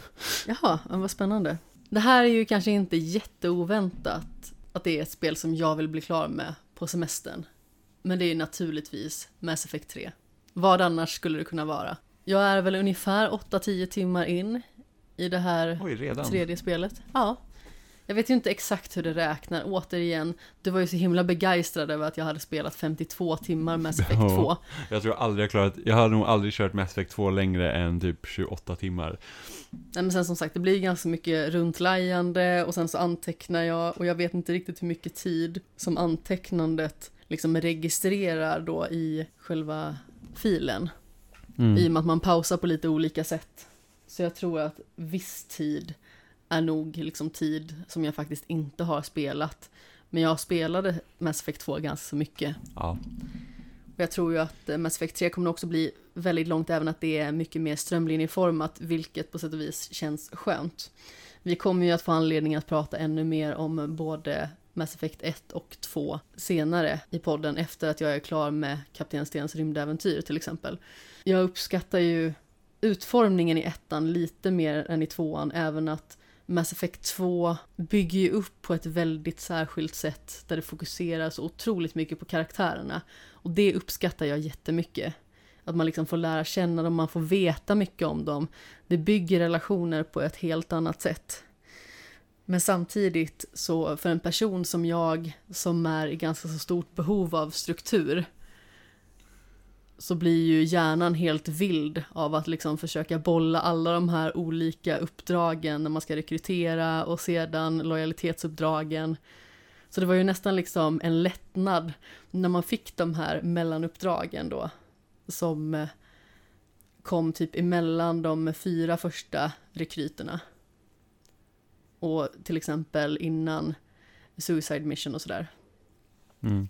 Så på sätt och vis så var det de bitarna som man kände att man kunde slappna av i lite, även att det var ganska så mycket skjutande oftast i dem. Mm. Men sen så fick man ju ganska så spännande detaljer i dem också, exempelvis liksom när man är på kollektorskeppet. Även att jag har upplevt de här spelen innan på annat vis, så var det ju vissa detaljer som jag hade glömt av, som eh, nästan blåste mig av soffan liksom. Mm. Men Mass Effect 3 har jag i alla fall påbörjat. Jag tycker att det känns fantastiskt. Det känns liksom som att ödeläggelsen verkligen är nära. Och jag kände liksom att jag fick gåshud när jag startade tredje spelet. Jag hade ju planerat att ta en liten paus som sagt inför trean. Och den pausen blev en dag. Jag kommer ihåg det första, jag bara, ja men hur långt har du kvar på Final Fantasy? Och jag bara, ja men jag har väl kommit typ halvvägs. Och så bara, ja, jag vet inte, ta en liten paus, vi behöver inte börja på Mass Effect 3 på en gång. Så bara, nej men vi behöver inte börja på Mass Effect 3 på en gång, du får börja när du vill liksom. För att jag spelar ofta snabbare och eftersom jag inte sitter och antecknar så, så går det fortare för mig. Så jag bara, det gör ingenting om du börjar ens på Mass Effect 3, så kommer jag ikapp dig sen. Och jag bara, ja, men jag ska vänta lite. Och sen så dagen efter så bara, jag ska spela Mass Effect 3. Ja, för att jag hade två stycken kvällar där jag spelade Lair of the Shadow Broker och jag spelade Arrival. Och sen så var det dagen efter så spelade jag inte. Och jag fick för mig att jag liksom hade en lite längre paus än så. Men sen så började jag ju på Mass Effect 3. Jag kunde liksom inte hålla mig för att jag kände så här, jag måste veta liksom hur relationen med min romans fortskrider, jag vill liksom se vad som händer. Och i och med att trean är det spel i serien som jag har absolut minst koll på så känner jag mig väldigt spänd inför det. Och jag vet att trean också ska ha magiska DLC-paket. Mm. Så jag är väldigt taggad på att fortsätta med det. Men nu de här två dagarna som vi har eh, haft semester, eller en kväll och en dag eller vad man ska säga, så har jag varit så otroligt trött, vilket inte är riktigt eh, oväntat med tanke på att man börjar liksom slappna av och då går kroppen in i något form av så här återhämtningsläge där man liksom måste ladda upp batterierna för att kunna gå på hög fart sen och kunna spela så mycket som man bara vill. Så igår däckade jag rätt rejält i soffan, Mm. ska jag vara ärlig och säga. Men jag eh, längtar efter att eh, fortsätta spela. Och naturligtvis att eh, spela in det sista av eh, Kapten Stens rymdäventyr. Det vill säga den tredje och sista delen av eh, första spelet. För det är jag nästan klar med. Det kommer nog bli ungefär 20-21 sidor anteckningar, eller rättare sagt manus. Vilket då lämnar oss med Mass Effect 2 som är 21 sidor anteckningar, råa anteckningar. Jag känner mig liksom så här exalterad och livrädd över att börja med tvåan sen. Mm. För att det är liksom så mycket text och så mycket grejer att hålla koll på. Så jag känner att det här är mitt livsprojekt nu. Det här kommer aldrig ta slut. Jag sitter där om tre år. Jag har två avsnitt kvar av Kapten Stens rymdäventyr 3. Ja. Men det är ett otroligt roligt projekt att göra. Och eh, det känns som någonting som är annorlunda än vad jag gör i vanliga fall. Så det är också roligt på så vis. Ditt andra spel Jimmy? Mitt andra spel är Disco Elysium. Ja. Och det känns som att det här spelet dyker upp lite när, till och från när man liksom pratar om spel man ska spela. Eh, och det här är så, jag borde ha spelat det här för länge, länge sedan, för det är ju sånt spel som jag verkligen så här typ, Ja, det är snart två år gammalt. ja, och det är sånt spel som jag liksom har velat haft hur länge som helst. Bara, ja, här har vi ett rollspel som faktiskt inte går ut på att strida. Både du och jag har velat spela det här sedan dag ett men har fortfarande inte gjort det. Så det Mhm. ligger ju stenhårt i våra skämshögar. Eh, och, så jag köpte det på PC och spelade inte. Och nu har det kommit ut på PS5 och jag har fortfarande inte spelat det, även om jag har köpt det. Jag har också köpt det. Så att, och det ska ju komma till Xbox One och ja, Xbox-konsolerna nu i sommar har jag för mig. Så det kanske till och med blir så att man kanske spelar det på en Xbox till och med. Ehm, men, eh, så det, det ser jag jättemycket fram emot, för man spelar ju sån här typ polisen som har fått, eller detektiven som har fått eh, minnesförlust. Och sen så går det liksom ut på att man i princip formar honom man, form, ja, man formar hans hjärna, liksom tankegångar, liksom så. Så att man har liksom typ olika röster som man kan lyssna på, och sen kan man välja vilken väg man tar. Eh, och, och det liksom kan hända otroligt konstiga saker. Liksom, jag tror att det var någon som typ dog av en postlåda eller någonting sånt, för att man hade valt något konstigt val. Absolut, det finns jättemånga absurda dödsscenarion. Mm, så att, eh, men just det här att, att man liksom går helt in på liksom att det här är ett dialogdrivet rollspel och du formar din karaktär efter hur du agerar. Det tycker jag är jättespännande. Så det är liksom så här, det här spelet borde jag ha spelat för länge, länge sedan. Men sen får man väl inledningsvis x antal karaktärspoäng liksom att sätta ut och om man inte är tillräckligt stark då dör man ju typ av om någon blåser på en. Ja men typ, det är, det är lite sådär så att man, man liksom så att helt hur man formar sin karaktär påverkar olika situationer. Så att det, det låter jättespännande. Det här är också ett spel som jag jättegärna vill spela och jag kan absolut se mig spela det under sommarsemestern. Däremot när jag är klar med Mass Effect 3 kanske jag behöver ta någonting lite mindre ansträngande emellan för att rensa hjärnan på något vis. Och det skulle kunna vara mitt nästa spel om du är klar med Disco Elysium. Jo. Super Mario Galaxy. Ja. Det har legat jättelänge i min skämshög. Alltså det har nog legat så pass länge som när det kom i min skämshög, om jag ska vara helt ärlig. Men på riktigt så har jag ju faktiskt ägt spelet sedan jag skaffade en Wii. Och jag tror att det var 2014 eller 2015. Mm. En begagnad från Game som kostade typ så här 400 kronor eller någonting sånt. Mm. Och då försökte jag ju spela det, men fick ju vara den här jättemärkliga andra spelaren som typ samlar stjärnor eller vad det nu är. Ja, helt värdelöst. Och jag somnade. Ja men det är helt värdelöst. Alltså, det, det är jättetråkigt. Det är liksom ingenting med Mario att göra. Ja men alltså det är ju liksom inte ens en funktion. Nej, det är typ såhär bara, här, var med lite. Det är typ, ja men ty, tycker du om, tycker du om laserpekare på väggen? Ja, för att jag är en katt. Typ. Du och jag har ju börjat spela det här. Mm. Och jag tycker att det är väldigt roligt. Men sedan så minns jag inte varför vi inte fortsatte att spela det. Jag för mig att det var i en period där vi kanske spelade lite mer och hade lite mer på agendan. Och nu har det varit en ganska så lugn start på 2021. Vi har ju spelat Ratchet under sommaren, eller under våren, så att det är liksom, där lades ju allt fokus. Det gjorde det, vilket naturligtvis har eh, förändrat ett och annat i eh, vårt spelupplägg. Men det är ett spel som jag väldigt gärna vill bli klar med.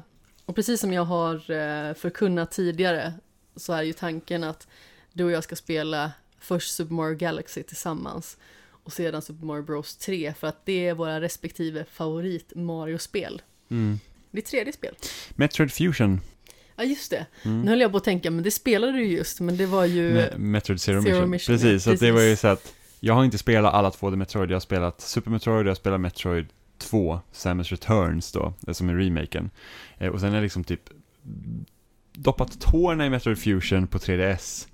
Och jag hade aldrig spelat Zero Mission liksom, så att, att nu när Metroid Dread ska komma i höst, då var jag så att ah, jag skulle fan kunna liksom spela alla då två Metroid. Så jag packade liksom upp min Wii U och sen så såg till att jag kunde köpa både Zero Mission och eh, Metroid Fusion som är eh, Game Advance-spel. Och Metroid Zero Mission klarade ut förra veckan. Jag var alldeles i chock över hur kort det var. Ja, det var typ fyra och en halv timme tog det mig. Och Zero Mission, eller Fusion ska ju typ vara sex timmar eller någonting sånt. Om man inte gör allt förstås, så tar det ju såklart längre tid. Men, eh, och då tänkte jag att, oh, då är det lika bra liksom att vara, vara redo för Metroid Dread och ha spelat liksom alla spelen i serien. Eh, Det här låter som din vanliga argumentation. vadå? Jag måste spela alla de här i den här serien innan det här spelet i den här serien kommer Ja ut. men det är ju, jag tycker inte om att börja mitt i, jag vill liksom veta vad som har hänt innan. Jo, jag förstår. Så att, eh, för alla spel inte, behöver man inte göra det, men det är liksom, som Ratchet Clank, så självklart hade vi inte behövt spela allting, men det var ju liksom kul, och speciellt Det var ju också en väldigt rolig grej och ett projekt som skulle vara helt olikt något annat. Ja, och, och det är liksom kul att spela lite Metroid, liksom. det, det är den här att Åh, nästa uppgradering får man liksom så att, att man, liksom, man får stadiga belöning hela tiden samtidigt som man liksom utforskar en plats. Så jag, jag gillar det väldigt mycket. Jag gillar tanken med Metroidvania mer än jag faktiskt gillar att spela Metroidvania själv. Mm. Jag tror att jag gör mig väldigt bra i att spela den typen av spel ihop med någon. Jag vet ju att ofta har jag och eh, Tobbe Fix streamat den typen av spel. Just på grund av att det är spel som jag vill spela. Men han är mycket bättre på den typen av spel än vad jag är. Men jag kommer ihåg när, när jag började liksom bli intresserad för spel, liksom började så här prenumerera på speltidningar och började hålla mer koll. Då var det så här att typ, jag kommer ihåg att backtracking var typ ett fult ord. Ja, det var liksom, det, det var minuspoäng till ett spel om du behövde liksom återbesöka områden. Och det är egentligen, Alltså det är ju praktiskt taget en svordom. ja ja, men precis, det var ju det. Och sen så, sen så efter det så blir liksom mer, spelen blir liksom linjära, och då blir det nästan så att, ah, det är ett linjärt spel. Det liksom finns typ inga liksom vägar att gå runt. Och sen så nu är det typ så här open world-spel, liksom så här, ah, allt är open world, blä, typ. Eh, Ja, men det känns som att man alltid hittar någonting att gnälla på i det som är mest aktuellt. Ja men det är klart. Eh, och sen så säger jag, tyckte inte alls om backtracking när jag var yngre. Jag tyckte det var skittråkigt om man behövde gå tillbaka till den. Jag ville ju bara röra mig framåt. Eh, och nu uppskattar det på ett helt annat sätt idag. Men sen samtidigt så här, Metro Zero Mission blev verkligen så att nu ska du gå hit. Och så ska man gå tillbaka hit igen. Och så ska du gå tillbaka hit igen. Och man säger, men, men varför kunde vi liksom inte varför kunde vi liksom inte vara här ett, längre tid istället för att jag ska hit, göra en snabb grej, gå bort, komma tillbaka, göra en snabb grej, gå bort liksom. Mm. Jag tror att jag är en person som är väldigt mycket bättre på när spel är rätt fram. Så att jag liksom kan nöta ett scenario och bara liksom pressa mig igenom det. Så här, du hittar ett motstånd, Mm. det är jättebesvärligt. Men jag kan nöta ner det. Alltså i synnerhet i liksom tvådimensionella spel för att det är jag bättre på. Mm. Men när det liksom ska flängas fram och tillbaka, då tror jag att det är liksom hela den här problematiken med att orientera sig som slår in. Mm. Men det är väldigt roligt när det väl sker. Vi spelade ju först och främst eh, Luigi's Mansion som är ganska mycket så här fram och tillbaka. Det första spelet? Mm, Mm. Första spelet. Eh, och sen så har vi ju spelat eh, Insomniacs lilla äventyr Song of the Deep. Vi spelade Gatto Roboto och vi spelade också Ori and the Blind Forest som är det spel som jag tror har gett mig mest ont i rumpan någonsin för att vi satt och spelade typ 13 timmar i sträck. Mm. Och det var en fantastisk upplevelse. Men vi var ju typ helt brutna som människor efteråt.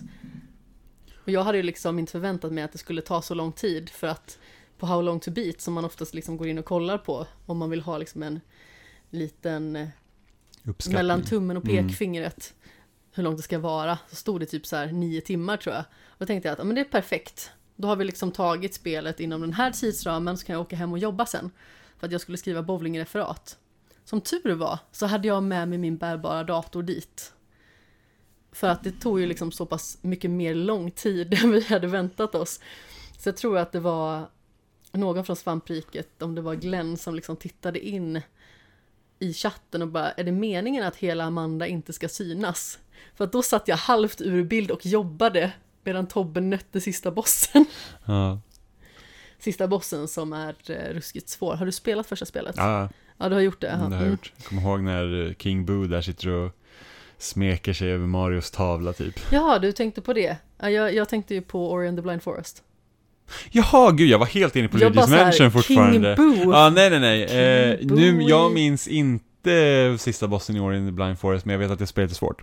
Ja, och slutbossen är ju som en lång utmanande bana där man verkligen får utnyttja alla de förmågor som Mm. man liksom har sparat på sig under vägen. För det var något jag saknade i uppföljaren. Att det var inte lika utmanande. För att det, den funktionen jag tror Jag jag, kan ändå gillade, gilla det på sätt och vis, för Ja. att jag är ju inte så himla bra på spel. För den funktionen jag gillade bäst i första spelet var att man kunde sätta ut egna checkpoints.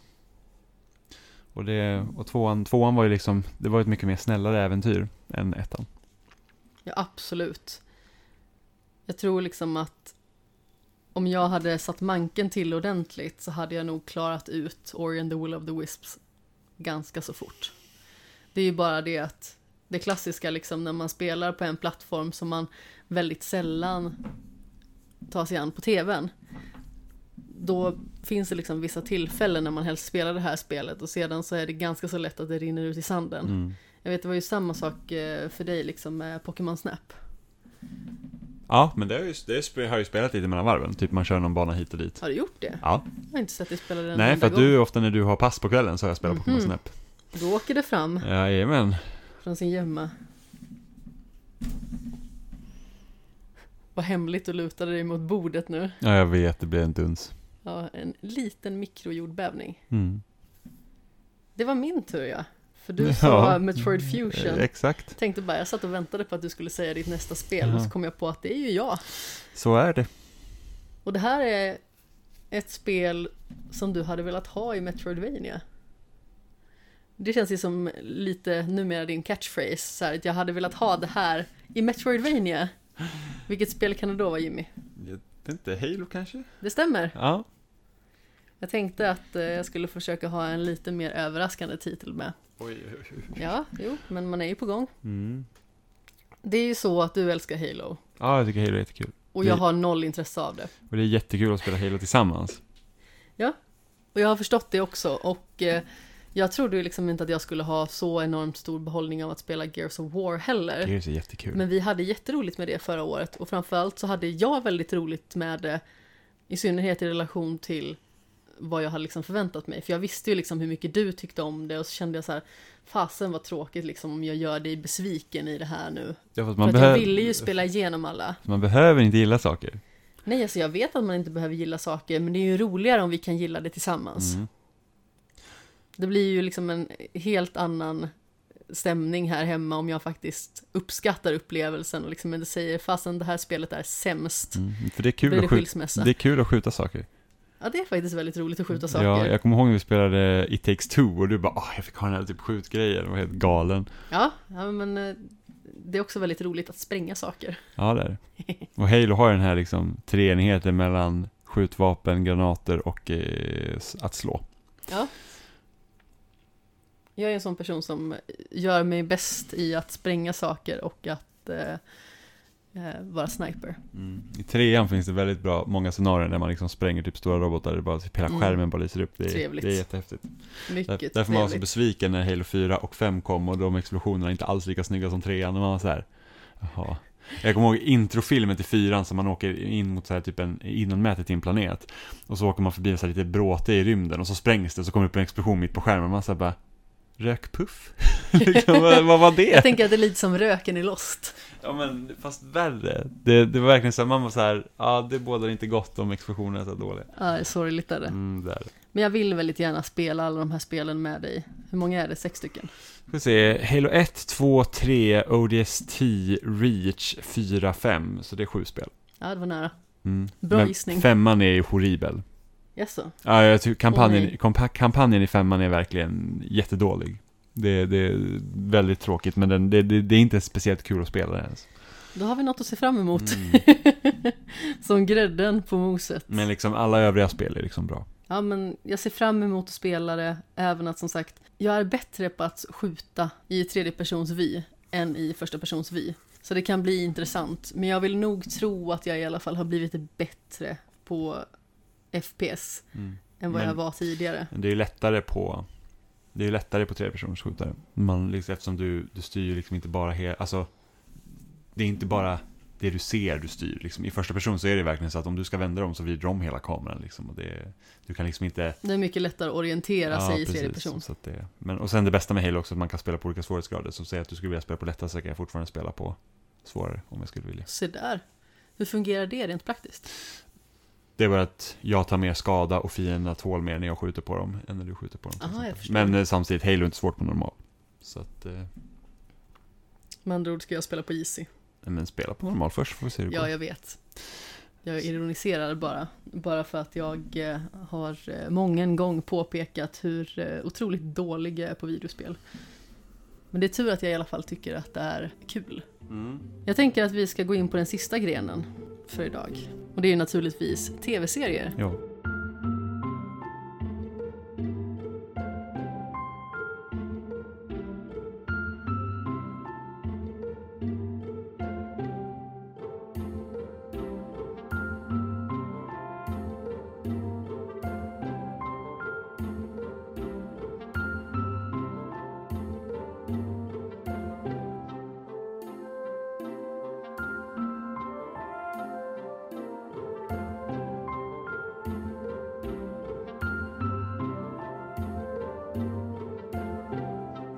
Börjar du Jimmy, i vanlig ordning? Jag vill se The Boys säsong två. Jaså, det vill du? Jajamensan. Du lät vi... väldigt så aggressiv Ja, och men jag, stark jag, jag känner att jag du- måste trycka på det här nu eftersom vi ska se det tillsammans. Jo, men vi hade ju tänkt att ta en provmånad på Amazon Prime och då behöver vi samla ihop lite grejer och eh, den här eh, Asimov-serien Mm. kommer ju i september tror jag. Så jag tänker att det är ju ett ganska så lämpligt tillfälle. Jo, men eh, för att vi såg ju Boys säsong 1 och tyckte det var jättebra. Den var just- just faktiskt att det är liksom oväntat bra. Jag visste att- inte riktigt vad den skulle gå ut på men den hade väldigt spännande klämmar ändå. Mm, men just det här med att man säger att eftersom superhjältar och sånt är så i ropet just nu så tog man lite en annan spin på det. Eller ja, det här baseras ju på en serietidning så det är inte som att de har liksom kommit på det helt själva med den här tv-serien. Men just det här att, Nej men att det ändå är den typen av serie som lyfts upp i det superhjälteklimat som vi har just nu där det handlar liksom väldigt mycket om liksom hjältar som gör hjältedåd. Det här Mm. är liksom mer fabricerade hjältar Ja, men precis, som de- är maskerade skurkar ja men nästan. precis, och så här stora PR-maskiner bakom dem liksom. Så man tittar man till exempel på MCU, det mesta dem har liksom kommit i konflikt där, det är liksom med att amerikanska militären liksom styr, eller regeringen styr liksom över hjältarna liksom. Och de- det är de som har hand i Avengers eh, liksom att Captain Falcon. Ja, men precis. Och det är liksom där den största, liksom, vad ska man säga, eh, konflikten ligger då mellan liksom superhjältar och stat egentligen. Och, och det gör de egentligen inte mycket mer. Vi fick ju se lite av Civil War, vilket jag tyckte var så här att de kunde gjort en mycket större grej av hela den eh, saken eh, än vad faktiskt filmen blev till slut.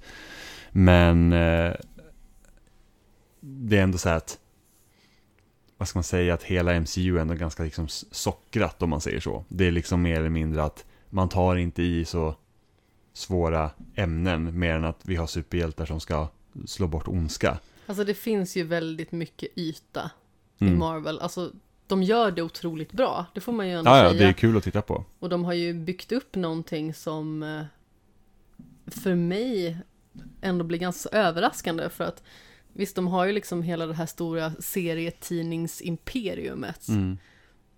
Men att de liksom skulle lyckas göra någonting som var så pass storslaget liksom i filmform och tv-serieform, det är ändå liksom rätt så oväntat med tanke på hur tveksamma de första filmerna var.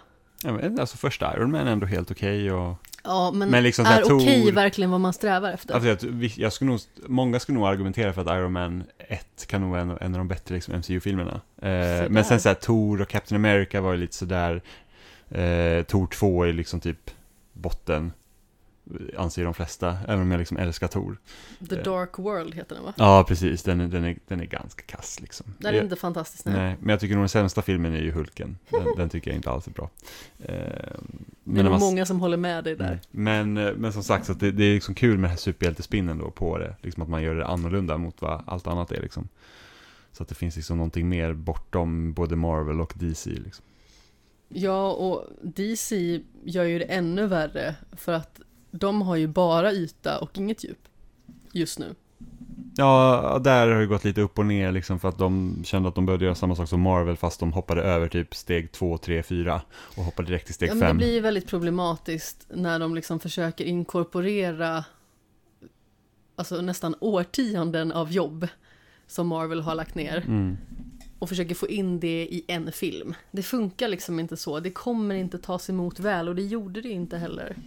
Nej. Sen vet jag att många tyckte att Snyder Cut gjorde det otroligt mycket bättre. Men alltså, det är på sin, sin höjd en måttligt sevärd film. Den är otroligt ostig. I stort sett alla karaktärer har jättemycket problem. Och den karaktär som jag egentligen gillar mest, alltså Batman, då i allmänhet, kanske inte just i den filmen, eh, blir ju en karaktär som absolut inte känner något för. Jag älskar ju liksom Nolans Batman-trilogi till exempel. Mm. Och jag gillar ju mycket av liksom det tidiga Batman-materialet också. Och naturligtvis som sagt film och serietidningar med Batman har man ju konsumerat en hel del. Mm. Men jag blir eh, lite uppgiven när jag ser liksom Ben Afflecks Batman. För jag tycker inte om den. Jag köper liksom inte hur han är. Jag köper inte hur Batman agerar. Eller rör sig eller för sig på något vis. Jag tycker inte om det. Och jag vet att det är många som inte håller med och tycker att Batfleck är liksom det bästa sen skivat bröd. Men det går inte hem hos mig på något vis. Min serie är inte jätteoväntad. Och eh, det är The Good Place säsong 4. Vi har sett de tre första säsongerna tillsammans. Och de är oväntat bra. När jag såg första säsongen så tänkte jag liksom så här att de kommer inte kunna göra någon vidare mer spin på det här. För det handlar ju liksom om att ja, men de dör och så kommer de till the good place. Men twisten är att huvudkaraktären egentligen ska till the bad place. Mm. Och jag tänkte liksom, hur långt kan de verkligen dra det här? Går det liksom att spinna på det här i flera säsonger? Och det fungerar så himla bra. Och jag tycker nästan att serien blir bättre och bättre. Mm. Och det känns som att den verkligen hittar sin form i säsong tre. Där den egentligen lite granna frångår själva premissen. Så jag är väldigt spänd att se vad de faktiskt gör i fjärde säsongen och man vill liksom veta vad som händer med karaktärerna för att man tycker ju om dem väldigt mycket. Mm. Men jag tror det bästa de har liksom gjort med The Good Place och varför man lyckas så bra, det är för att varje säsong har en så tydlig röd tråd i sig självt och de bygger på varandra. Så du har liksom, du har själva den här grundidén i säsong ett, men när den är slut när det slutar, då är liksom den delen av berättelsen klar. Så går man in i liksom kapitel två nästan. Och då handlar den om en specifik sak. Och sen när kapitel, liksom, säsong två är klar, då är det också klart. Och sen går man in i säsong tre, för då bygger det liksom på nästa grej, men det här är nästa del i berättelsen. För att från början har de tänkt att det här ska liksom inte vara en serie som ska hålla på i tio säsonger, utan det är så att vi har idé för fyra, och det är det vad den kommer vara. Precis, och sen är det över. Ja, precis. Och då har man liksom en, en tydlig berättelse man vill berätta. Eh, så att den är faktiskt helt fantastiskt bra. Alltså det finns ju en så himla rolig scen i tredje säsongen när två av karaktärerna då liksom ska behöva glömma varandra igen. Och då börjar den ena av dem skämta liksom om hennes egen snygghet och sådär. Och då säger den andra karaktären någonting i stil med att det här är liksom bara ett sätt att eh, försöka skämta bort den liksom seriösa situationen. Och då säger hon I'm not joking, I'm a legit snack. Och det är så himla roligt, det är, Det är en av de roligaste kommentarerna liksom, eller en av de roligaste sakerna som sägs i den serien. Och sen så har vi ju då grundaren av The Good Place, så som vi känner det i första säsongen, Mm. som är en av de roligaste karaktärerna någonsin då i Michael. Mm, Tom Denson som spelar honom. Ja. Han är jättebra. Visst heter han Tom. Denson? Nu, jag, jag, Ted Danson. Ted Danson, jag, jag bara, Tom känns inte riktigt rätt. Ted Danson är, är verkligen jättebra i den rollen också. Att den är orimligt rolig verkligen. Vilken är din andra serie Jimmy? Eh, min andra serie heter Exterminate All the Brutes. Den vet jag att du har nämnt flera gånger Precis, och vad handlar om den? Och det är ju ingen riktig egentligen serie, utan det är en dokumentär på fyra delar. Men det är fortfarande en serie för att det är Ja, fyra. ja men precis. Men, men det är liksom mer en dokumentär som handlar om eh, hur eh, de vita människorna koloniserade delar av världen helt enkelt. Eh, och det bygger då på, på, alltså själva namnet kom ifrån Heart of Darkness. När General Kurtz eh, liksom sa att, äh, att nej men alltså de här vildarna som finns då i Afrika, eh, det är liksom bara så att de, de är liksom helt från vettet, så det är bara att ta exterminate all the brutes. Och sen har man då den karaktären man faktiskt följer i Heart of Darkness som, som då säger så här, ja men även liksom hur galet det än låter, att man då liksom säger då exterminate all the brutes, alltså i princip är folkmord, är då att det är det enda liksom som egentligen, som är logiskt att göra. Eh, så, så, att- och eftersom jag har liksom studerat det här på universitetet så gör det extra liksom intressant att se liksom dokumentärer om det här då. Att se liksom så att, ja men hur, hur har, hur har det liksom påverkat världen och hur, vad, vad liksom anledningen till att liksom då vi har koloniserat delar liksom och tagit över andras kulturer, vad har det liksom gjort med människor? Det tycker jag är väldigt spännande. Det kan bli väldigt intressant. Och det är förmodligen någonting som vi kommer prata om sedan när vi har sett det också. Mm. För just det här liksom att de, liksom, de som har då koloniserat delar av världen anser att deras kultur är bättre och att man i princip raderar an, andra folktraditioner. Och framförallt att de tycker att de har rätt att göra det av någon outgrundlig anledning. Bara för att de inom citationstecken är liksom mer superiora rasmässigt. För det var ju, vi läste ju liksom så här gamla dokument från när Storbritannien koloniserade delar av Indien. Och då var det så här att, ja, ah, då var det någon mupp-general där som har sagt, ja, ah, nej men jag, jag kan ju inte, jag, jag, jag pratar inte sanskrit, jag, jag, jag vet liksom inte riktigt vad de här texterna handlar om, men jag vet att det brittiska liksom kulturen står över. Vilket bara är skitsnack. Nej, men han hade ingen, han hade ingen aning. Det var ju liksom vilket, vilket, vilket bullshit ärligt talat. Så att, det, så att liksom hur mycket, hur mycket information och kunskap har inte liksom blivit raderade för att vi har bara liksom förstört. Exakt. Det är liksom helt, alltså vi kan tänka oss liksom redan så här att man har ju redan tittat typ på så här, om man tittar på om det är Nordamerika och liksom de stammarna som fanns där, liksom de har ju här, en grej som antibiotika kanske liksom har varit upptäckt för länge, länge sedan. Men vi har ingen aning för att vi har bara liksom inskövlat, raderat. Så att man vet inte vilken teknologi människor kunde ha kommit liksom på, liksom vilka framsteg vi kunde ha gjort och varit före om vi liksom hade haft allting. Och inte, istället för att liksom ta bort och eh, rensa ut, liksom delat med oss och liksom ta tillvara på saker. Så det, det är en ganska skrämmande tanke egentligen. Ja men verkligen. Och det känns ju liksom som att folk hellre accepterar okunskap än att faktiskt försöka se det från någon annans perspektiv eller ta del av andra kulturers kunskap. Ja. Och då, liksom, och då räcker det liksom att något, nå, någon jävla tokstolle har liksom suttit på maktposition. Och så har det liksom gått snett. Ja men precis. Så att den hade jag jättegärna velat se. Ja, den finns på HBO va?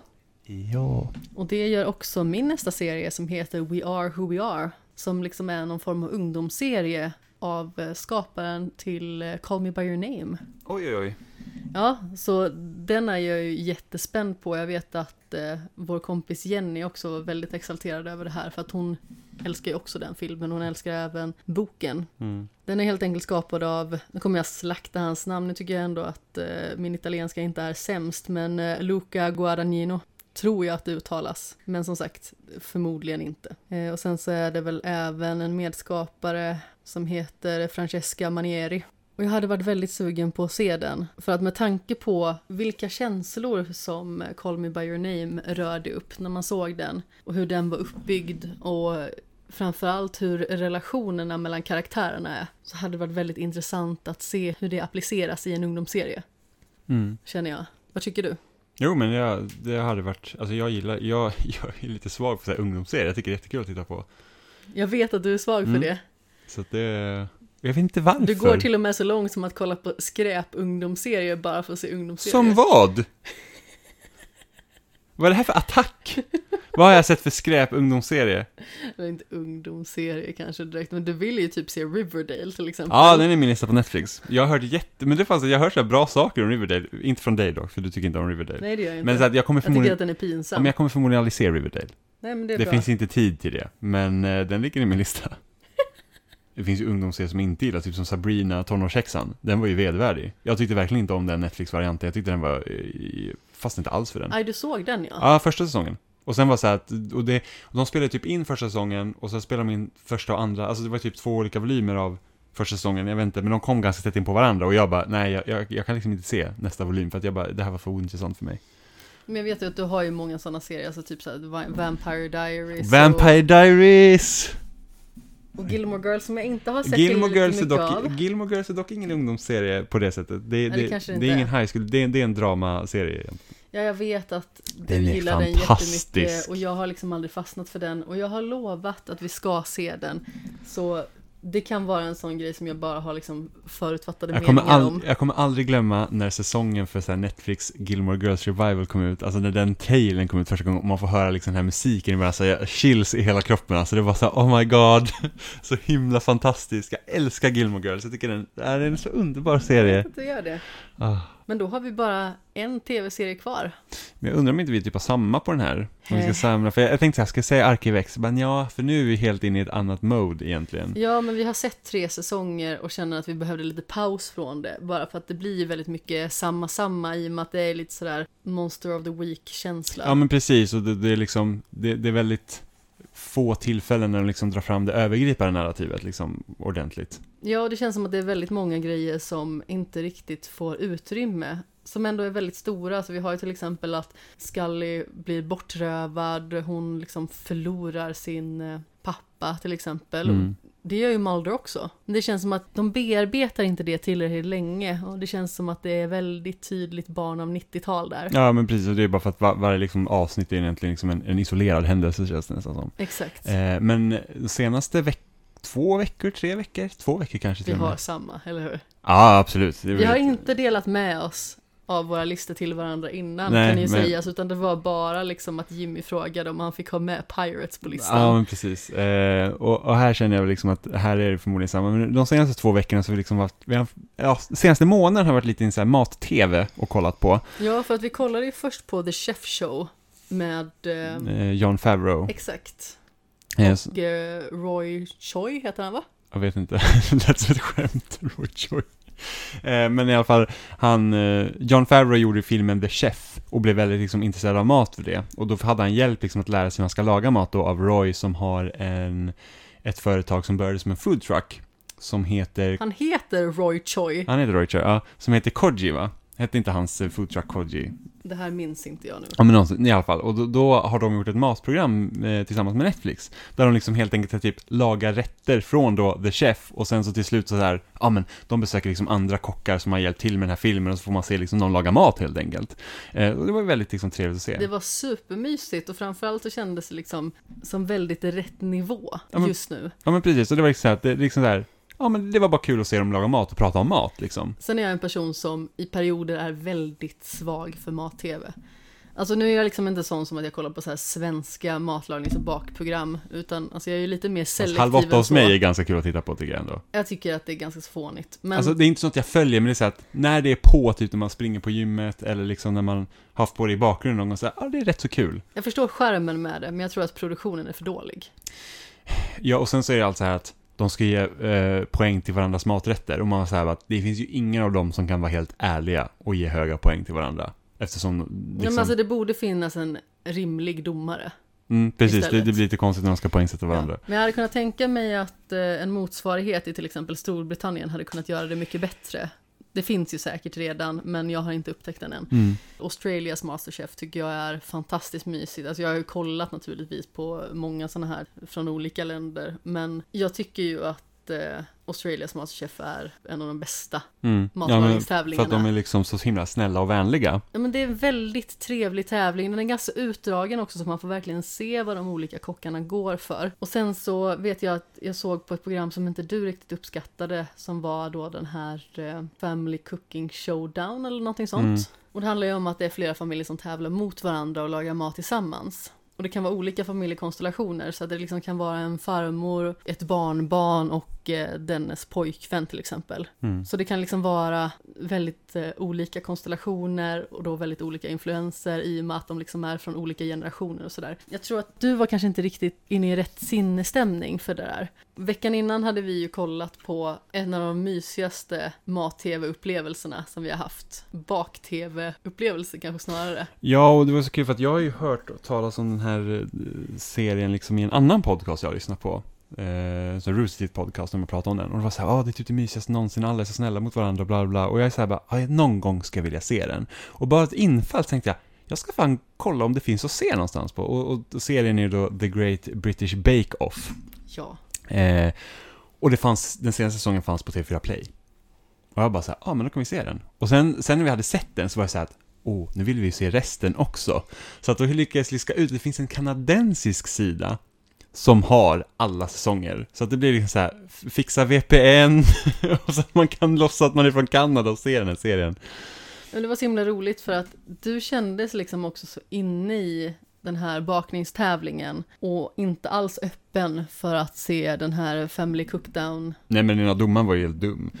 Sur och vrång och liksom bara här att så här ska det vara utan att ge några rimliga argument. Ja, Jag men så här hon bara, var kanske nej. inte riktigt min favorit Nej, heller, men men, jag det så här, tycker liksom så- att så själva där- upplägget är jättecharmigt. Ja men så där kan man inte göra, du kan inte säga så att det här funkar inte, så här, och när, när liksom någon säger ja ah, men varför gör inte det? Nej det bara funkar inte. Det är inget svar från en domare, då måste du liksom kunna argumentera för varför det inte funkar. För det är också, det vill jag också veta som tittare liksom, alltså att varför, varför skulle inte det funka? För jag kan inte sitta där och smaka, så jag kan inte bilda någon egen uppfattning. Och det är det de gör så bra i den här British Bake Off, för det är så att så här, åh, jag tycker inte om den här ingrediensen. Men du har liksom fått fram smaken av det bra och det, liksom, det, det funkar på det, Det sättet. sig med de andra Så att det, det är liksom sällan de säger att det här tycker inte jag om och därför funkar inte, utan de, de kommer alltid med bra förklaringar. Och även om det liksom är en tävling så är det så här, domarna är så himla snälla och det liksom Hjälpsamma. Går, och hjälpsamma och går det inte bra för någon så är det inte så här bara åh du är så jävla värdelös. Det är inte som att titta på, typ på Gordon Ramsays tävlingsprogram när han typ så skriker på dem och kallar dem dum i huvudet så här. Det, det, ja, det är ja, men han liksom, behöver ju seriöst Ja men det, det är ju, det är ju, alltså- anger management. Ja, men alltså det, det är ju bara, men han är inte, alltså tittar man sen på andra program som inte är amerikanska med honom med så är han helt rimlig. Ja, absolut. Alltså jag har sett honom liksom i andra program också där han faktiskt verkar väldigt liksom trevlig och Men var, omtänksam. ja, och jag tror det var den här Kitchen Nightmare-grejen, det finns både en brittisk version och en amerikansk version och han är programledare i båda. Och den amerikanska versionen så var helt dumförklarade de som var där, bara ni är så jävla idioter, ni är sämst att ni ens kan ha liksom ett företag, det är helt otroligt. Och sen så på den brittiska så bara, ja nej men så här och så här ska man göra och så här, det här funkar inte. Men jag tror att det handlar väldigt mycket om vad amerikanerna uppskattar att konsumera för sorts TV. Men jag kan För tänka att jag mig, tror att de gillar intriger, jag tror att de gillar överdriven dramatik och eh, faktiskt liksom när folk blir förnedrade. Mm. Men den här Bake-Off, det är så himla trevligt, de är så snälla och det är liksom så himla kul att följa de här människorna, de blir också liksom kompisar med varandra som tävlar. För att Mm. även om det är en tävling, så känns det inte som att de riktigt tävlar mot varandra heller, de tävlar mer mot sig själva. Eh, och det är så att, går det dåligt för någon så hjälps de åt, och liksom bara, "Ja, men okej, så här, shit jag hinner inte klara det här, okej, men du kan låna den här grejen av mig, det är liksom viktigt att vi liksom båda klarar av att göra det här. Så att det, det är liksom så att, även om det är en tävling så är det ändå bara så himla trevligt att titta på. Ja, och framförallt så känns det som att domarna, de är liksom inte där för att leta fel. på det sättet. Utan de är liksom där för att se vad deltagarna kan göra rätt. Mm. Och de lyfter väldigt mycket fram det. Det är liksom inte att de bara säger så här, men det här är sämst, det här är dåligt, det här är vedervärdigt. Utan de har hela tiden argument till varför de tycker att vissa saker inte hör ihop eller varför de tycker liksom att texturen inte funkar. De är väldigt förklarande och de är väldigt omtänksamma och de liksom bryr sig om de tävlande. Vilket också gör att man väldigt mycket mer sällan stöter på dryga tävlande. Mm. Det är väldigt få som man liksom har känt bara så här, men nu, du är ju orimlig. Så det är väldigt skönt att titta på och det är väldigt gemytligt och precis som jag sa tidigare, i perioder så är jag väldigt svag för den här typen av program för att det är liksom kul att se när folk skapar saker. Mm. Det är samma sak, alltså jag skulle lätt kunna sätta mig och plöja tre säsonger av Project Runaway här och nu. Mm. För det är också jätteroligt att kolla på när de skapar saker. Problemet med den serien är också att den har den här amerikanska dramatiken, intrigen och eh, otrevligheten. Det finns en helt annan ton där som gömmer sig. Mm. Jag vill ju se när de skapar saker och när de visar upp den färdiga produkten. Det är ju det jag tycker är roligt. Jag tycker inte det är roligt när folk blir skällda på eller när folk bråkar med varandra eller folk kastar saxar på varandra. Mm. Nej men det är lite så här typ att, åh, kan vi få två stycken att vara ovänner då har vi liksom lyckats göra bra TV.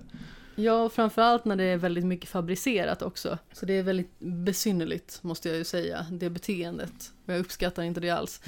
Men The Great British Bake Off är eh, otroligt mysigt. Och vi är ju på andra säsongen nu. Mm. Och det är någonting jag vill fortsätta kolla på under hela semestern, vilket vi också kommer göra för att vi har typ åtta säsonger till. Ja men precis. Och sen så kommer ju faktiskt nästa säsong, förmodligen kanske i augusti-september någonstans där. Mm. Det har ju blivit försenat även i år på grund av pandemin, vilket det mest annat också är. Det kommer rätt mycket bra i september. Mm. Vi har ju La Casa de Papel till exempel, som kommer med första delen av sin sista säsong. Vi har ju också Sex Education som kommer där i svängarna. Mm. Det finns mycket att se fram emot. Ja det gör det. Jag tycker det är roligt att vi hade samma där. Vilket kanske är lite väntat med tanke på att vi verkligen har slukat den här serien. Mm. Det är så himla roligt för att det är tre stycken olika moment. Det är liksom ett signaturbak, där de liksom ska göra en egen grej utifrån liksom vissa parametrar och sedan så har de ett tekniskt bak där de liksom ska efterapa ett recept och göra det liksom så korrekt som möjligt. Och sedan så har de liksom ett paradbak då som går ut på att de ska göra någonting lite mer exceptionellt Mm som verkligen får dem att sticka ut. Vi sitter ju ofta och kollar på det här när vi äter, vilket gör då sedan att om vi börjar kolla på ett nytt avsnitt, då kan det liksom vara att vi så här, ja men vi kollar bara på den här delen, då kan vi pausa sen och sätta oss och spela. Så blir det ofta så här, ja men vi kan bara kolla på nästa del också, det här ser ju spännande ut. Och så, så blir det alltid att vi kollar klart på sista delen ändå, för Ja. att vi tycker att det är så himla roligt att kolla på. ja, det är verkligen jättemysigt. Men jag tycker att det är dags att eh, kalla det en dag och eh, det är dags för oss att eh, på riktigt ta en välförtjänt semester. Ja. Skämshögen finns ju naturligtvis på social...